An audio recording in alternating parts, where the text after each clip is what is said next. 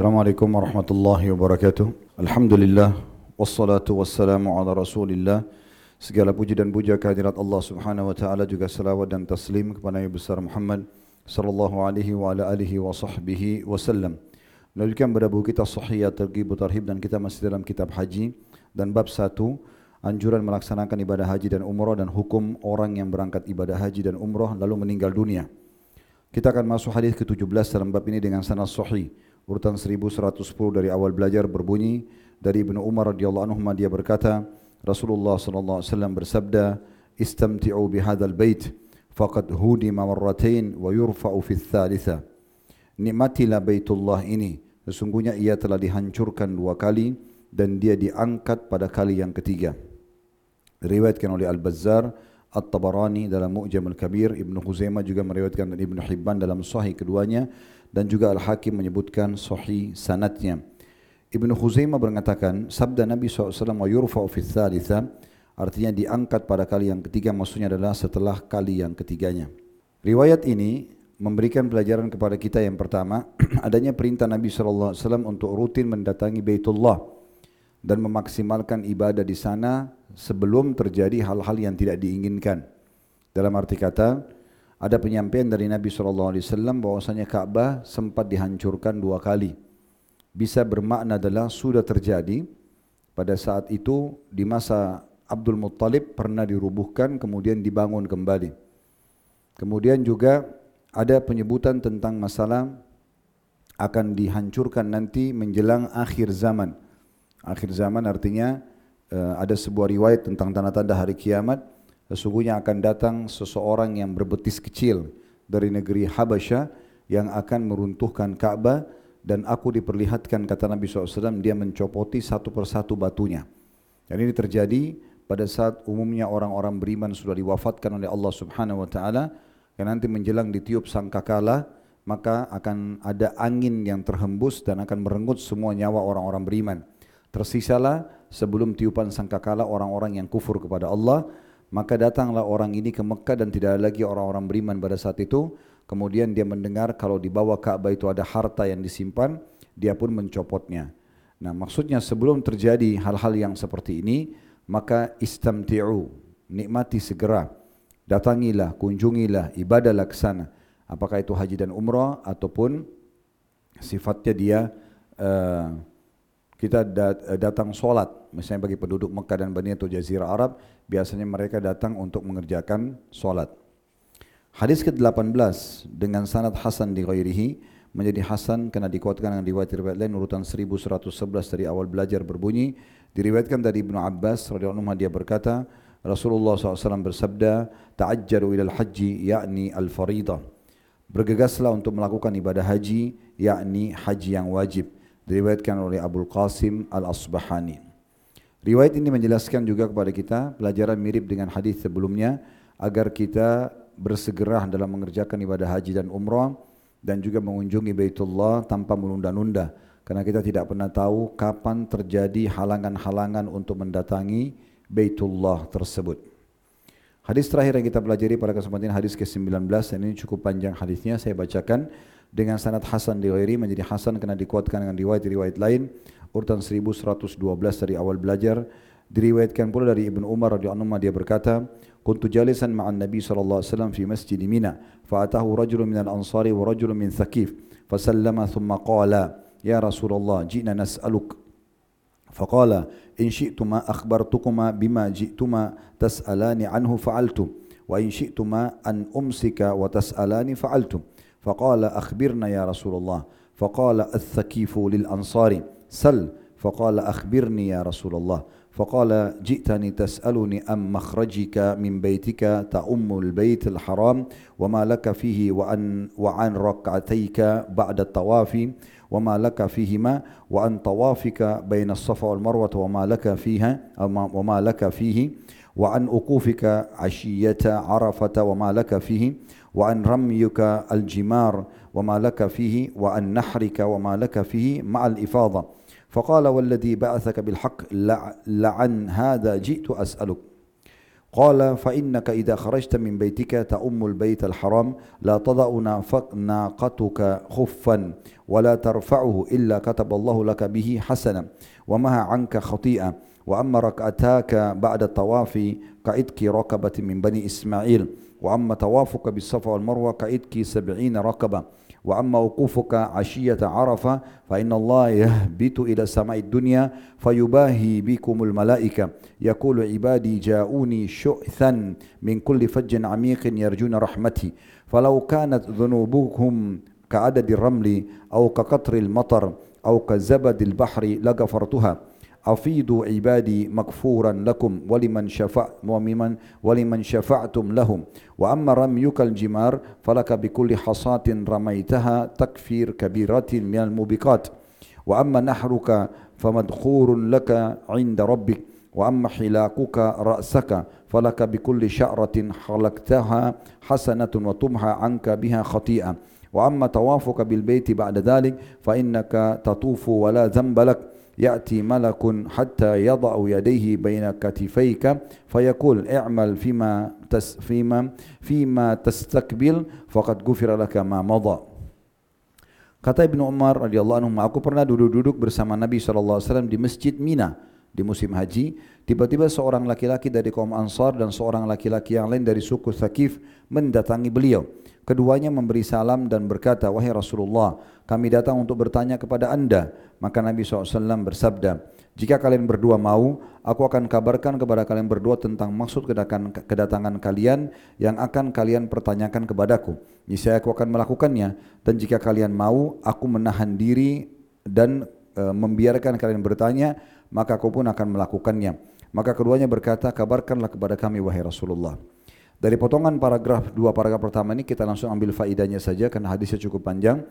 Yang pertama adalah kecerdasan Abdullah bin Umar radhiyallahu anhu sebagaimana umumnya sering kami sampaikan kalau ada seorang sahabat yang menceritakan dulu sebab disebutkannya hadis atau terjadi penyampaian Nabi SAW ini adalah sebuah poin yang sangat penting bagi kita terutama yang tidak hadir di masa itu dan di tempat itu. Karena kalau Abdullah bin Umar ingin menyampaikan langsung penyampaian Nabi bisa saja. Tapi dia menceritakan dulu sebabnya. Dia lagi duduk di masjid di Mina. Kemudian artinya pada saat itu musim haji. Datanglah dua orang dirincikan. Satu orang dari Ansar, satu orang dari Thaqif. Lalu keduanya bertanya kepada Nabi SAW. Nah ini faedah luar biasa yang bisa kita dapatkan dari perawi hadis ini. Faedah kedua dari hadis adalah bagaimana mukjizat Allah Subhanahu wa taala kepada Nabi sallallahu alaihi wasallam beliau disampaikan apa yang akan orang tanyakan dan apa yang perlu beliau jawab walaupun orang itu belum menjelaskan. Diambil dari sabda Nabi SAW di sini kalau kalian berdua mau saya langsung sampaikan apa yang kalian ingin tanyakan. Sudah saya tahu. Kalau kalian mau juga saya tunggu kalian bertanya baru saya jawab. Maka keduanya mengatakan kalau begitu ya Rasulullah beritahukan kepada kami. Ini faedah kedua. Lalu kita masuk ke inti bahasannya Maka orang berasal dari Bani Thaqif itu berkata kepada orang yang berasal dari Ansar, tanyakanlah.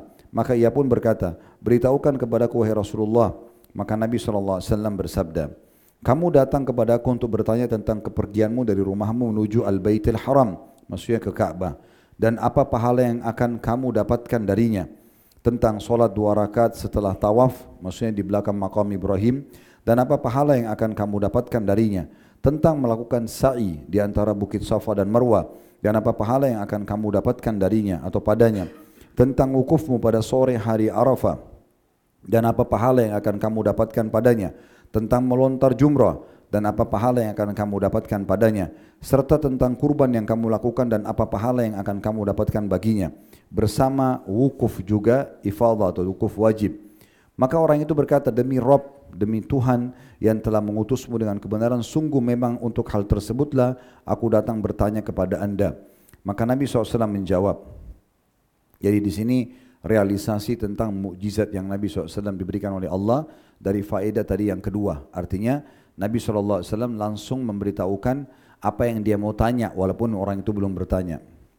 Sekarang kita masuk kepada keutamaan-keutamaan daripada rangkaian ibadah haji dan umrah itu Sesungguhnya kata Nabi SAW, apabila kamu pergi dari rumah menuju Al-Baitil Haram atau ke Masjid Haram, maka tidaklah untamu meletakkan kakinya dan tidak pula mengangkatnya, melainkan Allah mencatat untukmu dengannya satu kebaikan dan menghapus satu dosa darinya. Jadi ini faedah yang ketiga dari hadis, artinya keutamaan orang yang pergi haji dan umrah juga orang yang datang untuk melaksanakan ibadah solat di Masjidil Haram, maka setiap langkah-langkah kaki dia, hewan tunggangannya, ataupun kendaraan yang dia tunggangi, maka akan dicatatkan satu pahala dan dihapuskan satu dosa. Selanjutnya, adapun tentang solat dua rakaat setelah tawaf di belakang makam Ibrahim, maka pahalanya adalah seperti pahala memerdekakan seorang budak sahaya dari anak cucu Ismail. Ini langsung kita masuk faedah keempat. Kalau ada yang bertanya apa keutamanya saya solat dua rakaat di belakang makam Ibrahim, karena setiap habis tawaf tujuh kali kita sunnahnya solat di belakang makam Ibrahim. Dua rakaat dengan niat memang solat di belakang makam Ibrahim.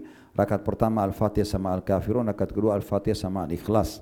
Maka pahalanya adalah dua rakaat itu sama dengan bebasin budak. Yang bebasin budak ini pahalanya sangat besar karena kalau budak itu terikat dengan majikannya dalam hukum-hukum Allah subhanahu wa ta'ala dan juga hukum manusia sebelum dihapusnya perbudakan di muka bumi ini setelah perang dunia kedua. Maka eh, bisa diperjualbelikan, bisa dihukum dan dia terbatas sekali dari sisi ibadahnya. Maka dengan kita bebaskan, maka dia bebas beribadah, di saat itulah kita panen pahala sampai budak itu meninggal dunia. Nah itu keutamaan dua rakaat solat di belakang makam Ibrahim dan ini faedah keempat dari hadis. Sedangkan sa'i, kata Nabi SAW di antara Bukit Safa dan Marwah adalah bagikan memerdekakan 70 budak sahaya. Artinya ini faedah yang kelima dari hadis tentang sofa ke marwa, marwa ke sofa sampai tujuh kali. Sofa ke marwa satu, marwa ke sofa dua, sofa ke marwa tiga, marwa ke sofa empat, terus begitu sampai tujuh kali. Nah satu kali putaran itu sama dengan pahalanya membebaskan sepuluh budak. Dengan tujuh kali putaran, sofa dan marwa berarti sama dengan membebaskan tujuh puluh budak. Ini faedah yang keenam dari hadis, yaitu pahala mendapatkan tujuh puluh membebaskan budak dengan tujuh kali sa'i antara Safa dan Marwah. Selanjutnya, faedah yang ketujuh nantinya tentang wukuf pada sore hari Arafah. Maka sungguhnya Allah Ta'ala turun di langit, bumi, di langit bumi, lalu dia membanggakan kalian di hadapan para malaikatnya seraya berfirman, Hamba-hambaku telah datang kepadaku dari segala penjuru yang sangat jauh dengan rambut yang kusut hanya untuk mengharapkan rahmatku. Lalu Allah pun berfirman kepada mereka, kalau sekiranya dosa-dosa kalian sejumlah pasir, atau sebanyak tetesan hujan atau seperti bui di lautan maka niscaya aku akan mengampuninya. Berangkatlah wahai hamba-hambaku dalam keadaan diampuni dosa-dosa kalian dan dosa-dosa yang kalian mohonkan syafaat baginya. Ini faedah ketujuh dari hadis bahwasanya Allah Azza wa Jalla memiliki sifat ya yang salah satunya adalah turun ke langit bumi. Bagaimana kita tidak pernah tahu? Kita imani bahwasanya Allah turun. Mirip dengan hadis turunnya Allah Subhanahu wa taala kalau tertinggal sepertiga dari malam hari Bagaimana prosesnya tidak perlu kita tanyakan tapi kita imani itu akan terjadi sesuai dengan yang Allah inginkan dan kemahabesarannya. Ini faedah yang ketujuh. Faedah yang kedelapan, semua orang yang hadir di Arafah yang merupakan inti haji, kalau mereka ikhlas karena Allah, maka akan dibersihkan semua kesalahannya atau dosa-dosanya. Dan ini sejalan dengan sabda Nabi SAW yang pernah kita pelajari sebelumnya kalau haji yang uh, siapa yang haji tidak rafath tidak mengucapkan kalimat syahwat kepada selain pasangan halalnya, kemudian juga tidak uh, fusuk, berjuat, berbuat kriminal atau dosa-dosa, maka dia akan pulang dari haji seperti baru dilahirkan oleh ibunya. Kalau dalam hadis ini dijelaskan tadi faedah ke-8 dari hadis bahwasanya Allah Subhanahu wa taala memerintahkan semua jemaah haji yang hadir di Arafah, pulanglah kalian, berangkatlah meninggalkan Arafah ini dalam kondisi semua dosa kalian sudah diampuni. Faedah yang kesembilan dari hadis, adapun melontar jumrah yang kamu lakukan, tujuh butir batu kecil dilempar di tempat jumrah, maka dengan setiap batu kerikil yang kamu lemparkan diampuni satu di antara dosa besar yang membinasakan. Sedang eh, ini faedah yang kesembilan. Artinya jemaah haji di hari nahar hari raya Idul Adha mereka dianjurkan jumrah akabah, melontar tujuh batu kerikil kecil ke tempat akabah. Akabah itu seperti bukit kecil ya pada masa Nabi SAW sekarang sudah rata. Tapi tetap dinamakan jumrah akabah atau jumrah kubra. Nah di hari Raya Idul Adha jemaah haji melempar satu kali pada hari itu tujuh butir batu. Satu batunya mengampuni dosa besar yang pernah dia lakukan. Artinya tujuh butir, tujuh dosa besar dibersihkan. Di hari Tashrik 11, 12, 13 jemaah haji melontar 21 batu. Kecil tujuh, sedang tujuh, besar tujuh. Berarti dihapuskan 21 dosa besar. Dan di sini disebutkan mubiqat dosa besar yang membinasakan. Jadi ada dosa besar memang induk-induk dosa besar. itu bisa diampuni dengan kerikil kecil yang kita lemparkan hitungan detik di jumrah itu sendiri. Faedah yang ke-10, sedangkan kurban yang kamu lakukan maka akan ditabungkan pahalanya untukmu di sisi Rabbmu. Ini faedah yang ke-10, artinya hewan itu mungkin terlihat kita sembeli, dagingnya pun dimakan dan dibagikan, tapi tetap akan disimpankan pahala di sisi Allah Subhanahu wa taala. Jadi bukan hanya mendapatkan menikmati daging hewannya tapi akan ada pahala dari sembelian tersebut. Faedah ke-11, adapun ke, tentang kepemangkasan rambut atau tahallul, pemangkasan rambut kepala yang kamu lakukan, maka untuk setiap helai rambut yang kamu cukur, kamu mendapatkan satu kebaikan pahala dan dengannya satu dosa dihapus darimu. Dan ini luar biasa pahala ini faedah ke-11 dari hadis tentang masalah cukur rambut. Dan ini yang paling afdal bagi laki-laki gundul. Bagi perempuan mengambil sebagian rambutnya. Tapi intinya semua rambut yang kita cukur di jalan Allah SWT pada saat haji dan umrah itu setiap helainya akan dapat satu pahala dan akan dihapus satu dosa.